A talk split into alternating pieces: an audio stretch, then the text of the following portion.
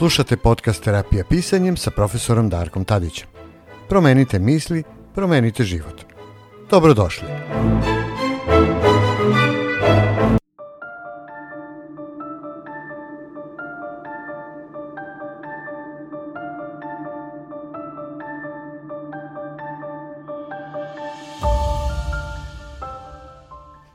Dobrodošli u najnoviju epizodu terapijskog pisanja.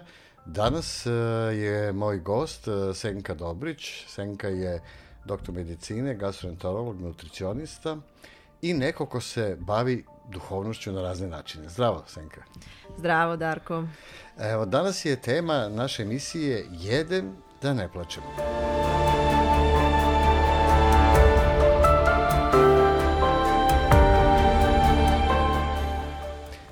Šta to znači praktično? U pripremama kad smo za ovu emisiju, kad smo pričali, e, rekli smo da ćemo govoriti malo o tom odnosu znači čoveka prema svom stomaku, da tako kažem. Odnosno, kakve veze ima stomak i mozak, kakve veze ima naš metabolizam, naša psiha, način e, ishrane, vrsta hrane koju jedemo, da probamo da povežemo, a tema jedem da ne plačem je zapravo neka asocijacija na to da mi, a za početak evo možemo da krenemo, da, da li nam je hrana u životu često uteha? Kakvi su tvoje iskustva sa pacijentima, ne samo dakle onim standardnim medicinskim pacijentima, već i ovima koji se bave duhovnošću na razne načine? Pa, moja iskustva ukazuju na to da je hrana jako važna ljudima, često se desi da prvo pitanje koje ljudi imaju je e, šta ja smem da jedem sada. U, u različitim stanjima vezanim za stomak i nevezanim za stomak. I to ih najviše fascinira šta smem da jedem.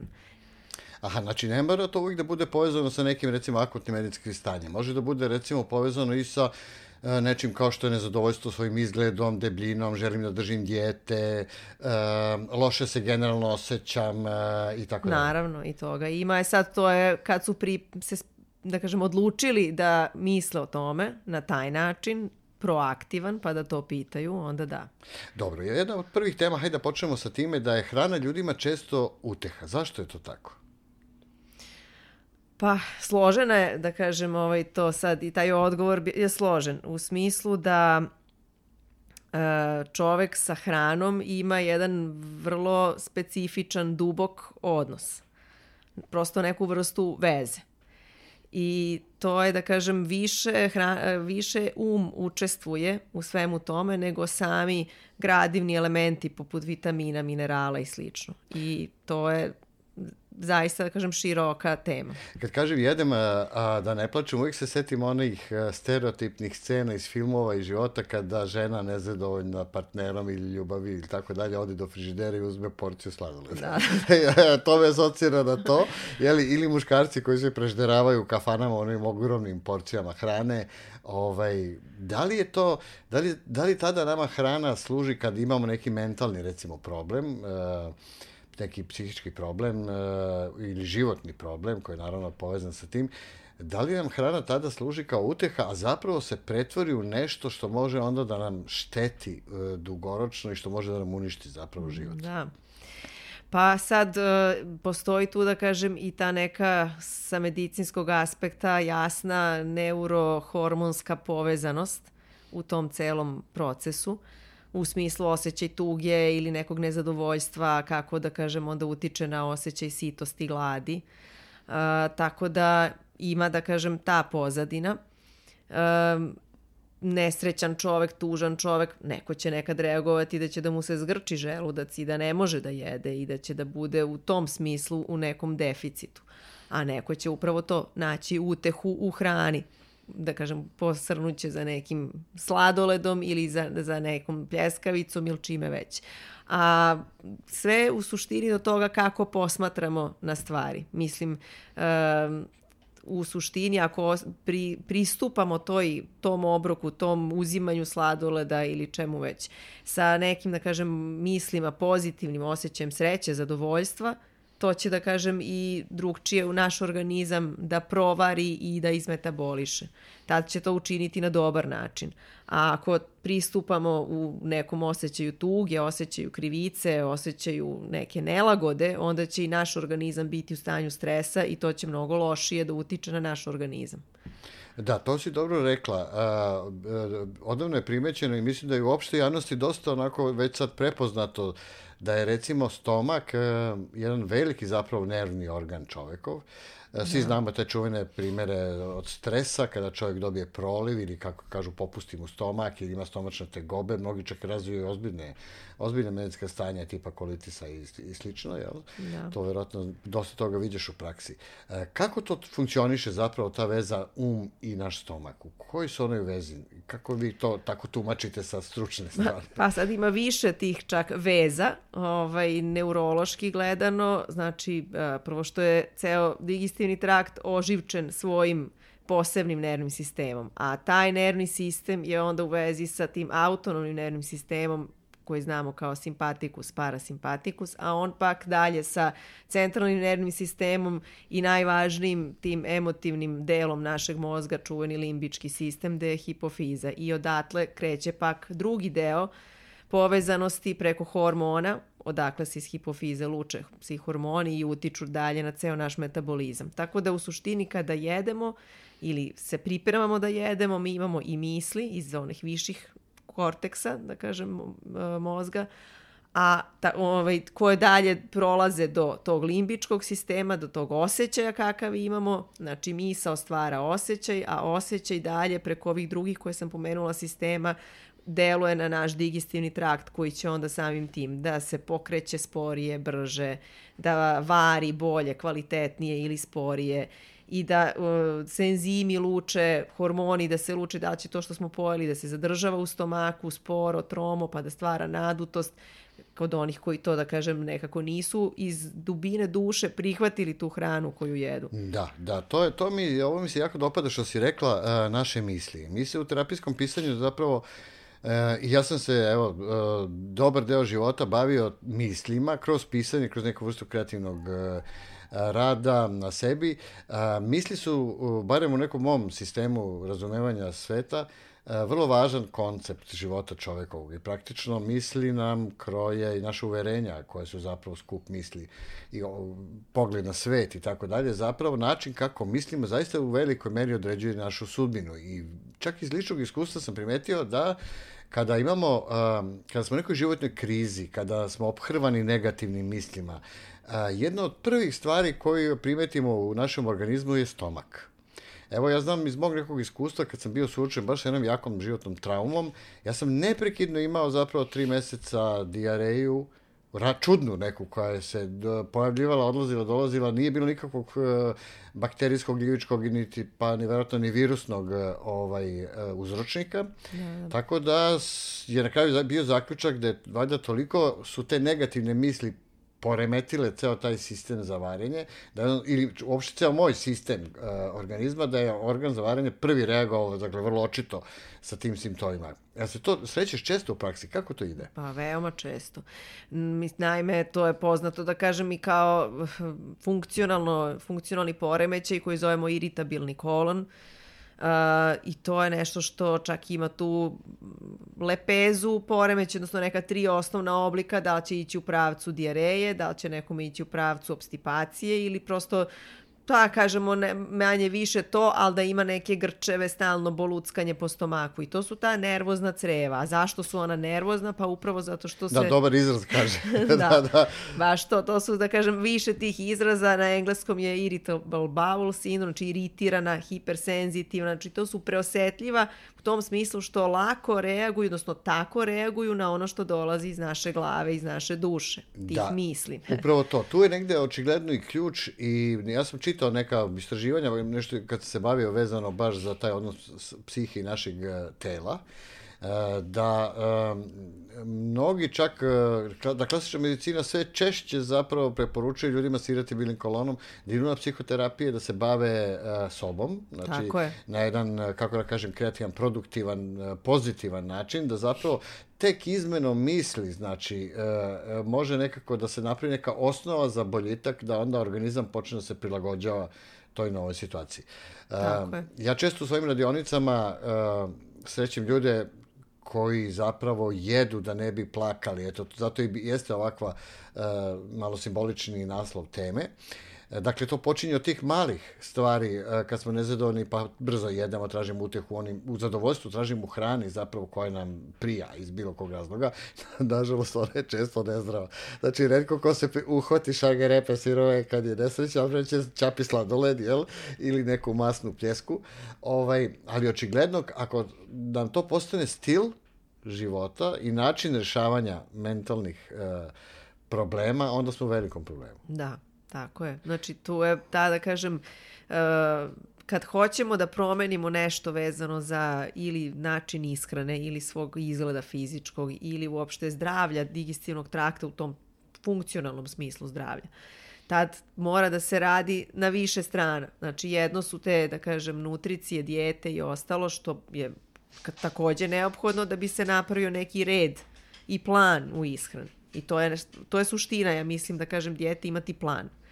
Uh, da znate kad ćete da jedete, šta ćete da jedete. I kad se taj ritam uhvati neki koji je takođe jako važan, uz naravno onda i ritam neke fizičke aktivnosti koliko ko sme može, ali sve to mora da bude pokriveno i tim, da kažem, što ste rekli, rad na sebi, odnosno u, o, šta mislimo i osjećamo u vezi sa svim tim. Znači, ako to radimo nevoljno, ako to radimo bez toga da smo nekako, da kažem, pristupili uh, celokupno tom problemu i, i evo, to ćete i vi bolje još objasniti. Ovaj, Da, to sam htio da te pitam. Ovaj, uh, mnogi naši napori za uh, boljitkom propadnu usled recimo nedostatka volje ili nas mrzi ili odustanemo na pola i tako, Tako, dalje. da. Pogotovo kada su recimo mentalne stvari u pitanju, to je čitanje, vežbanje, recimo čak i fizičko i tako dalje.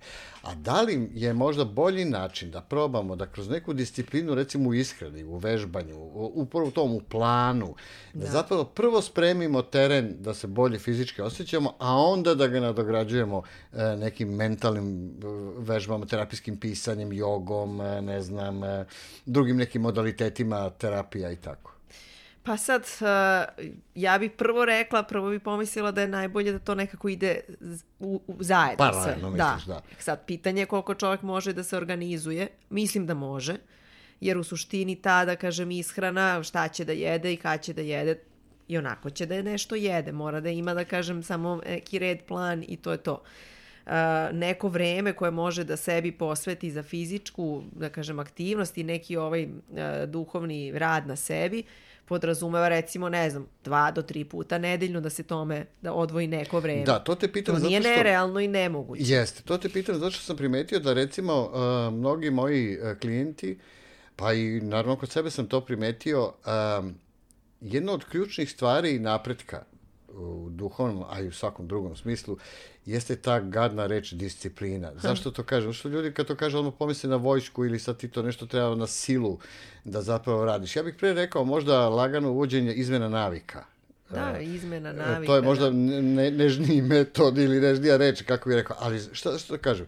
E, neki ljudi koji imaju ozbiljne probleme s depresijom se žale da čak ni to ne mogu. Znači, ne mogu da ustanu iz kreveta. Znači, ljudi koji imaju kliničku depresiju ili teži oblik depresije, oni zapravo ozbiljan problem imaju, taj nedostatak volje o kome se sve tu vreme Da. vrti priča.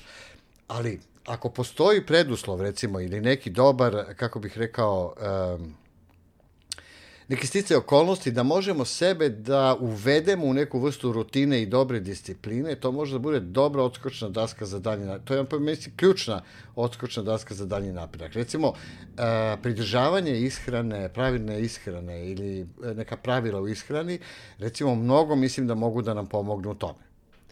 Pa da, ali ono što je za mene neka ključna reč za sve ovo je da se da čovjek oseti radost, osjećaj radosti i nekog da kažem zadovoljstva dok to radi. Da, da dođe do momenta da Uh, na primjer dok je na toj kreativnoj radionici pisanja ili terapiji pisanja ili na nekom drugom obliku tog rada uh, da se da zaboravi na ovo sve da zaboravi na tu disciplinu, na taj ritam. Aha, misliš da nekako zaobiđe, da priđe sebi od Zato pozadi? što se odjednom za, za, da kažem, ja mogu iz ličnog iskustva to da, da, da potvrdim, da taj osjećaj radosti i nečega što vas obuzme, dosta može da da ovaj, e, naknadnu energiju za ono sve što isto mora da se dalje sprovodi i radi. Ali čovjek potpuno dobije nov, bukvalno booster dozu energije sa kreativnim radom i to mu daje energiju i da onda i tu ishranu i fizičku aktivnost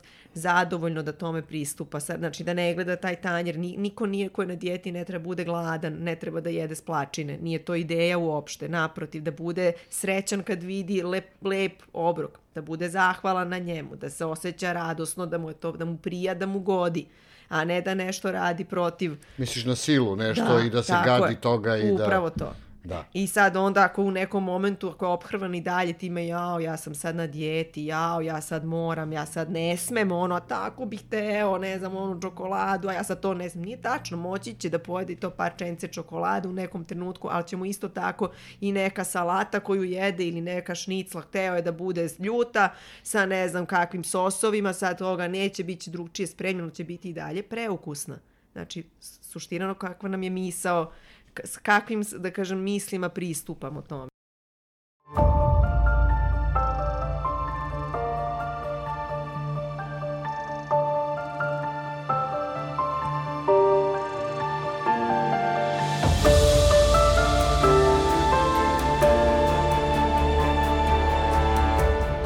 To je vrlo interesantno. Um, osim tvoje uh, standardne klasične medicinske prakse koje radiš u uh, klinici, kao gastroenterolog, uh, veliki deo tvog rada se odnosi na to i nutricionizam, ali to je, kako, ja sam ga tako razumeo, da taj nutricionizam koji ti propagiraš, da tako kažem, ili kom se baviš, jeste zapravo u tesnoj vezi sa psihom. Kako ti pristupaš zapravo ljudima koji dođu i traže savjet od tebe za razna neka svoja stanja, a, a da im savjetuješ znači, neki jedinstven, integralni pristup rešavanju životnih problema?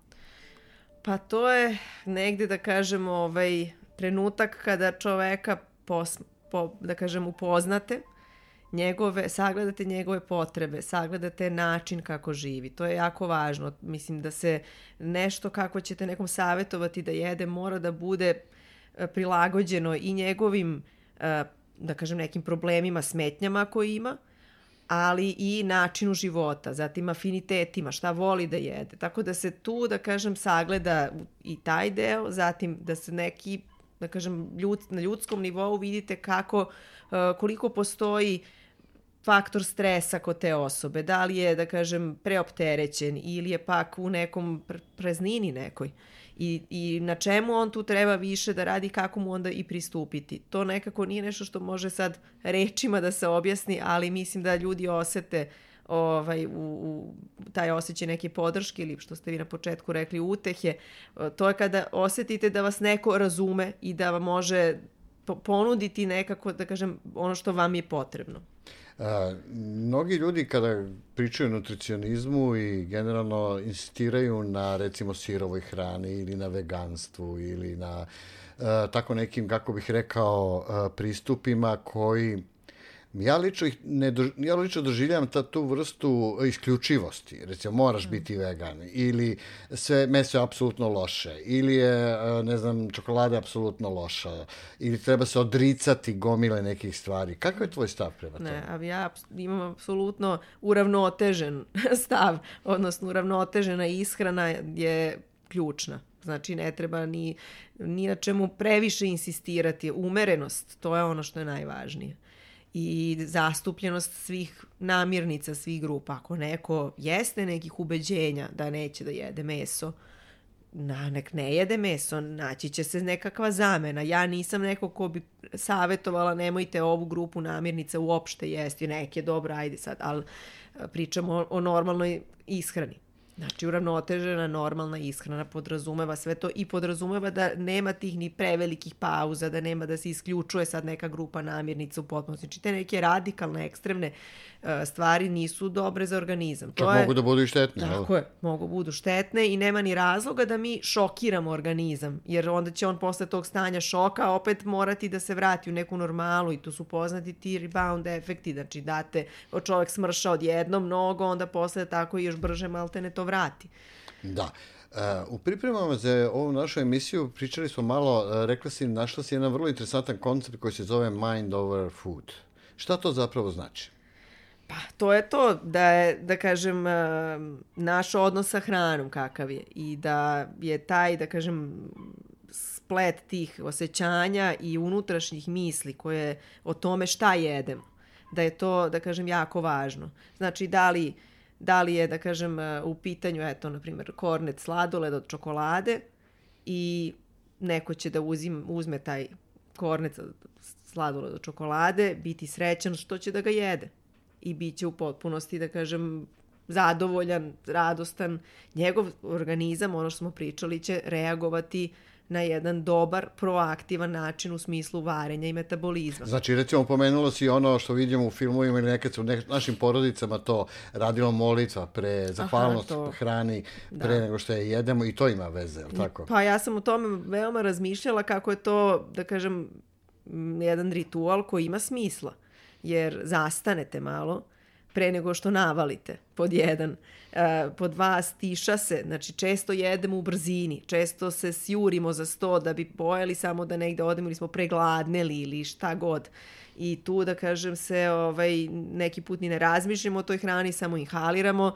Neki put uh, smo svesni da možda taj obrok nije najbolji za nas, pa se osjećamo krivim i loše što sad to jedemo, trebalo bi nešto drugo, a to odma pravi onaj pak negativan ovaj, efekat prilikom varenja i metabolizma. Tako da, trebalo bi da, ne kažem sad bukvalno svaki može svoj način da ima kako će da zastane i da taj ritam malo, da kažem, umiri.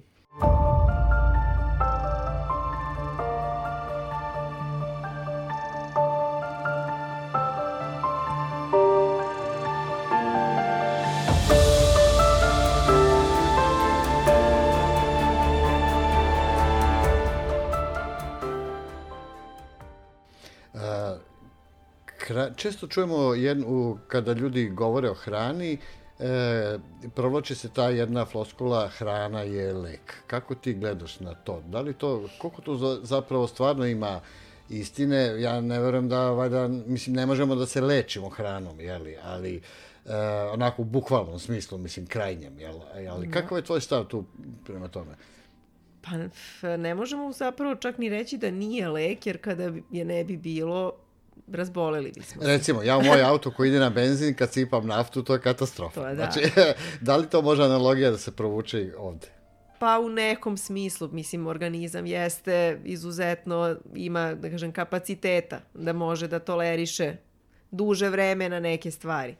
Ali da treba birati, da treba usklađivati shodno svojim aktivnostima, svom opštem fizičkom stanju, godinama, Znači sve to ima veze. Naravno da sportista koji se priprema za neki koji je fizički vrlo aktivan neće isto jesti kao neko ko je što bi rekli, više u kući, više taj sedalački način života. Da, recimo, nećemo svaki dan jesti engleski doručak ili onaj irski doručak, čuveni, jeli, koji je za zemlje radnike predviđen da traje ceo dan. Pa, ili, na primer, kad su u pitanju slatkiši, to sam baš nedavno objašnjavala, nekom kažem, nećete vi slatko kad pojedete otići posle toga da trčite da pripreme za maraton, jer da hoćete, ja bih vam rekla slobodno pojedite taj slatkiš, idete da trčite, sav šećer ćete sagoreti u mišićima, ali ako ćete vi posle tog slatkiša slatkiša sesti, upaliti TV, sa svo to slatko iz tog slatkiša će preći direktno u masti.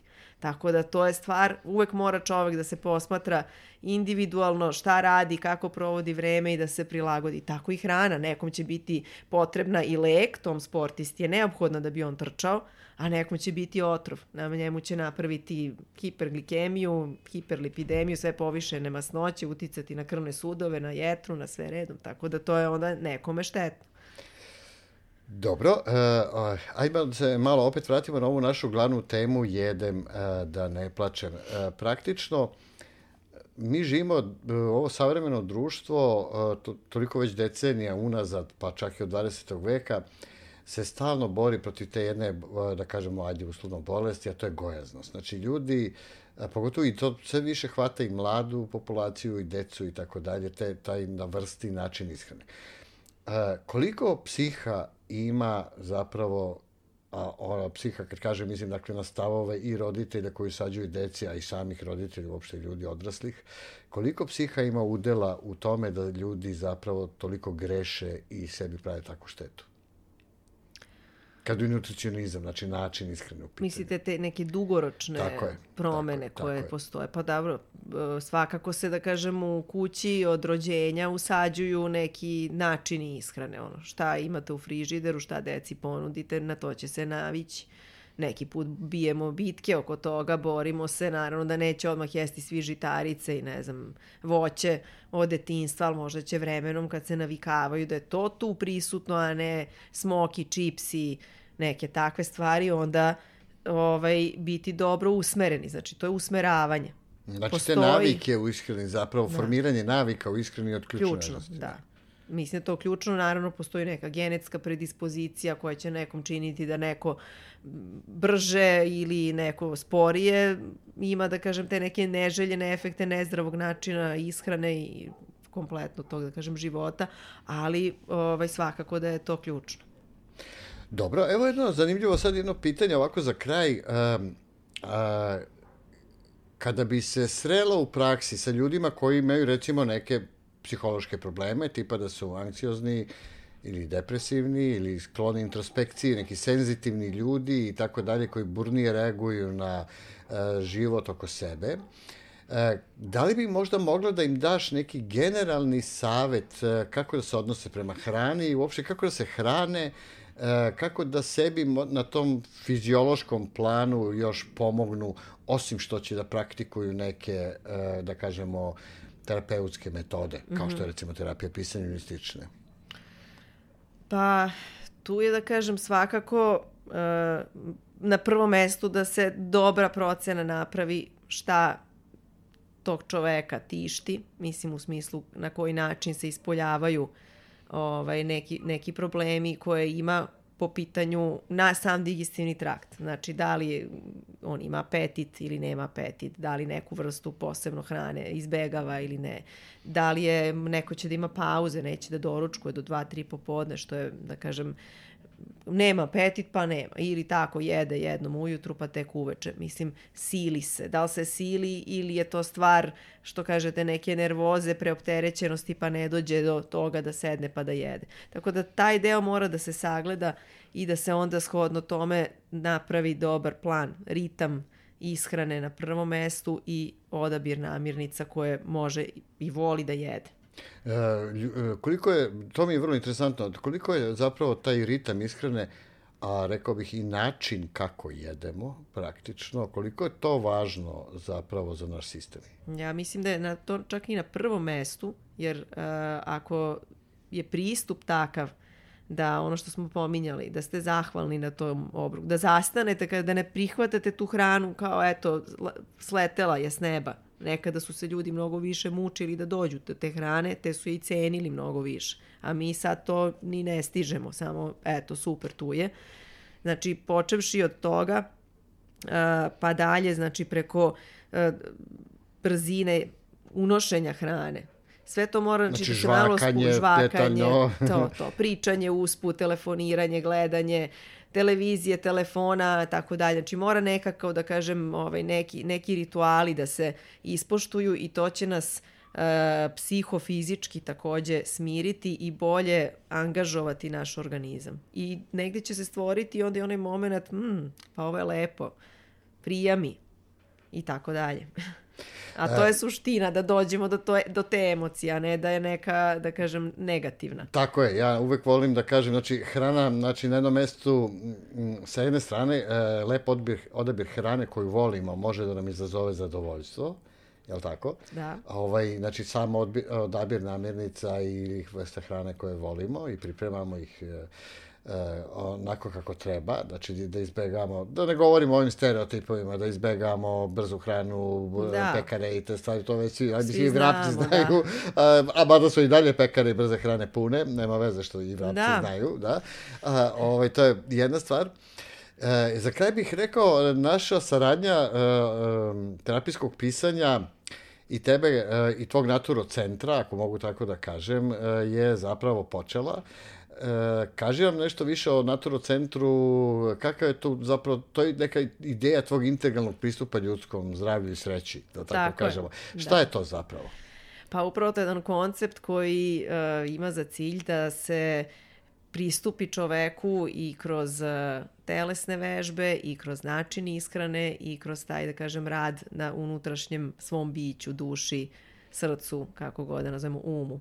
Uh, nerazdvojive su Znači, nerazdvojivo je da čovek e, bude i fizički aktivan na adekvatan način, shodno svojim mogućnostima, godinama i slično, i nekim afinitetima. Uh, nerazdvojivo je da se hrani izbalansirano, ono što smo pričali u određenom ritmu i prelagođeno uh, s tim potrebama, ciljevima, da li hoće da se još tu nešto, da kaže, menja u smislu nekih uh, redukcija telesne težine ili pak uh, da se nadogradi neka mišićna masa, znači sve to ima i sve to mora ići zajedno, ali ovaj bez tog nekog rada na svom umu i na svojoj duši koja mora da, kažem, što sam je rekla, da se nekako više radujemo i da više budemo svesni onoga što u trenutku imamo i da neki poteškoće postoje, ali možemo da ih nekako rešavamo. Pristup je takav da u naturocentru da je to jedan, da kažem, prirodan način, znači ne ovaj, korišćenje sobstvenih e, prirodno datih resursa naših organizama. Znači ono koliko nam znači šetnja, koliko nam znači sunce, koliko nam znači osmeh, koliko nam znači dobar neki zdrav obrok. Uh, fizička aktivnost. Znači da se usade i da se ugrade te zdrave životne navike bez i da to postane nekako da kažem sastavni deo života, ne da se stalno moramo terati da ono što smo pomenuli da disciplina, nije to da, više da, disciplina, da, da nego da deo nas. prirodni deo nas i da zdravo živimo. Eto, ja bih se rekao da se vratimo nekim korenima način života Jeste, koji smo zaboravili to, zapravo. Upravo potpuno. to, da. Uh, Senka, hvala ti što si bila gost. Očekujem da će biti još ovakvih uh, zanimljivih emisija. Eh, tema je vrlo interesantna. Uh, vama, dragi pratioci našeg podcasta, dakle, nemojte jesti da ne bi plakali, jesti, jedite da bi bili zadovoljni i srećni. To je ideja. Senka, hvala ti još jednom. Darko, hvala puno na pozivu. Bilo mi je baš prijatno da razgovaramo, kao i uvek. da, nadam se, evo, održat ćemo ovu našu tradiciju i konekciju sa Naturo centrom i nas dvoje lično u naporima da evo i preko ovog podcasta zapravo podelimo ideje vama, dragi slušalci, slobodno nam pišite na www.terapijepisanjem.com, postavite pitanja, komentar, e, možete predlagati teme. U svakom slučaju čitamo se, pišemo i vidimo i slušamo do sledeće epizode. Senka, zdravo. Zdravo.